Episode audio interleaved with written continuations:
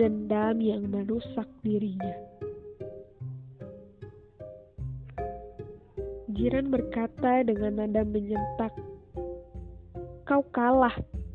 Aku adalah pemenangnya." Dengan menarik baju lelaki itu, tak berdaya di ujung tembok, lebam di muka membuatnya terengah-engah kesakitan. Ia hanya bisa menahan rasa sakit. Ia tak bisa berbuat apa-apa. Matanya ditutup, kaki dan tangannya diikat. Pemuda itu hanya bisa mendengar suara dari balik gelap. Pemuda itu hanya bisa melawan dengan berbicara. Siapa kau? Apa yang ingin kau lakukan padaku? Gumamnya dengan jelas. Jiran mendekati lelaki yang ia tawan itu. Nanti kamu tahu sendiri. Lantas apa yang selama ini kau lakukan padaku? Katanya sedikit tertawa sinis. Mungkin pemuda itu mengingat kejadian masa lalu. Apa yang kulakukan padamu? Katanya sedikit tegang. Sunyi seketika. Jiran pergi dari tempat itu, hanya dua penjaga suruhannya yang masih setia menemani pemuda itu. Sudah beberapa hari, pemuda itu dikurung di sebuah gedung tua yang tak terawat. Bangunannya sudah dipenuhi lumut dan banyak tumbuhan yang merambat di dalam rumah. Pemuda itu tak bisa bernafas dengan lega. Mulutnya ditutup, sementara tangan dan kakinya diikat di sebuah kursi kayu. Ia masih mengingat kejadian malam itu. Ia diberhentikan di sebuah jalan yang sangat sepi, tak ada satu orang pun di sana. Tiba-tiba ada tiga orang yang memakai topeng hitam memberhentikannya. Lantas ia pun turun, bertanya baik-baik, tetapi ia malah dipukul hingga ia tak sadarkan diri. Sudah hampir dua tahun aku menyimpan dendam. Aku bingung apa yang harus aku lakukan agar semua yang kuinginkan bisa aku dapatkan kembali. Karenanya, semua kebahagiaanku direnggut. Aku tak bisa memaafkannya sampai kapan pun. Biar bagaimanapun, dia yang membuat Klausa tiada.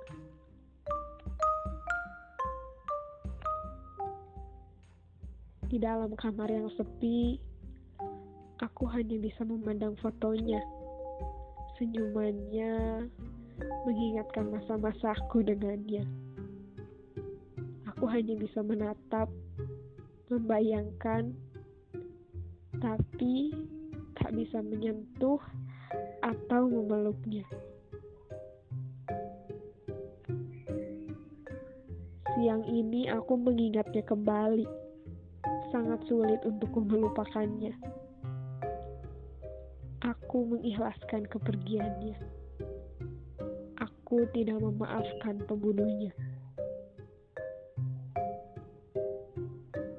Ku coba untuk menghubungi Sandi. Iya, Ji, ada apa? Suara Sandi terdengar jelas dari dalam ponsel. Bagaimana keadaan dia? Gumamku. Dia aman di sini, Ji. Tapi dia terus-menerus meminta untuk dibebaskan. Awasi saja dia. Jangan sampai dia kabur. Tiba-tiba ada yang mengetuk pintu. Siapa? Aku, Ji. Masuk saja. Aku tidak mengunci pintunya. Ia pun masuk dengan membawa satu gelas teh untukku. Ia memberikannya padaku. Aku masih dalam keadaan yang sama. Aku masih memandang foto Klausa. Sudahlah, Ji. Yang lalu biarlah berlalu. Biarkan dia tenang di alam sana. Dia pasti bahagia melihatmu di sini. Iya, Kak. Sudah ku coba. Ji, sudah lama kamu mengurung di kamar ini. Tidak maukah kamu melihat keluar sana? Iya, nanti aku keluar rumah. Aku akan mengunjungi makam Klausa. Kakakku pergi meninggalkanku. Aku masih setia memandang foto Klausa. Sudah sering aku melihatnya, tapi tak ada sedikit pun aku bosan untuk melihatnya kembali. Pikiranku sudah membaik, mencoba menerima dengan hati yang lapang.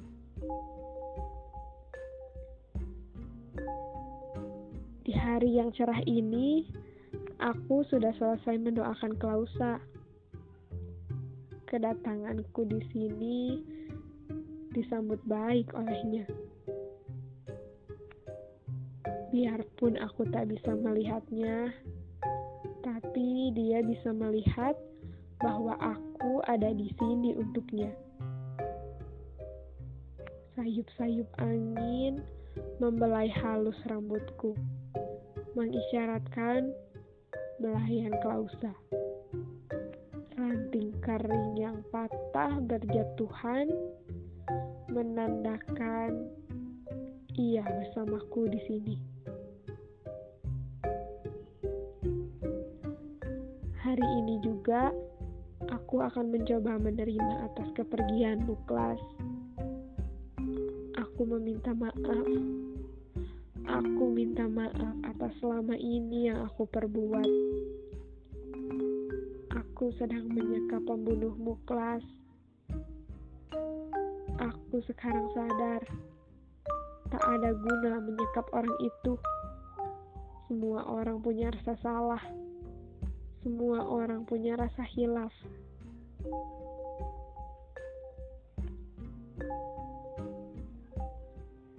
Dulu aku berasumsi ingin membalaskan dendammu. Dan sekarang akan kubuang jauh-jauh sifat itu. Sehabis dari sini, aku akan meminta maaf pada Raka. Akan membebaskannya.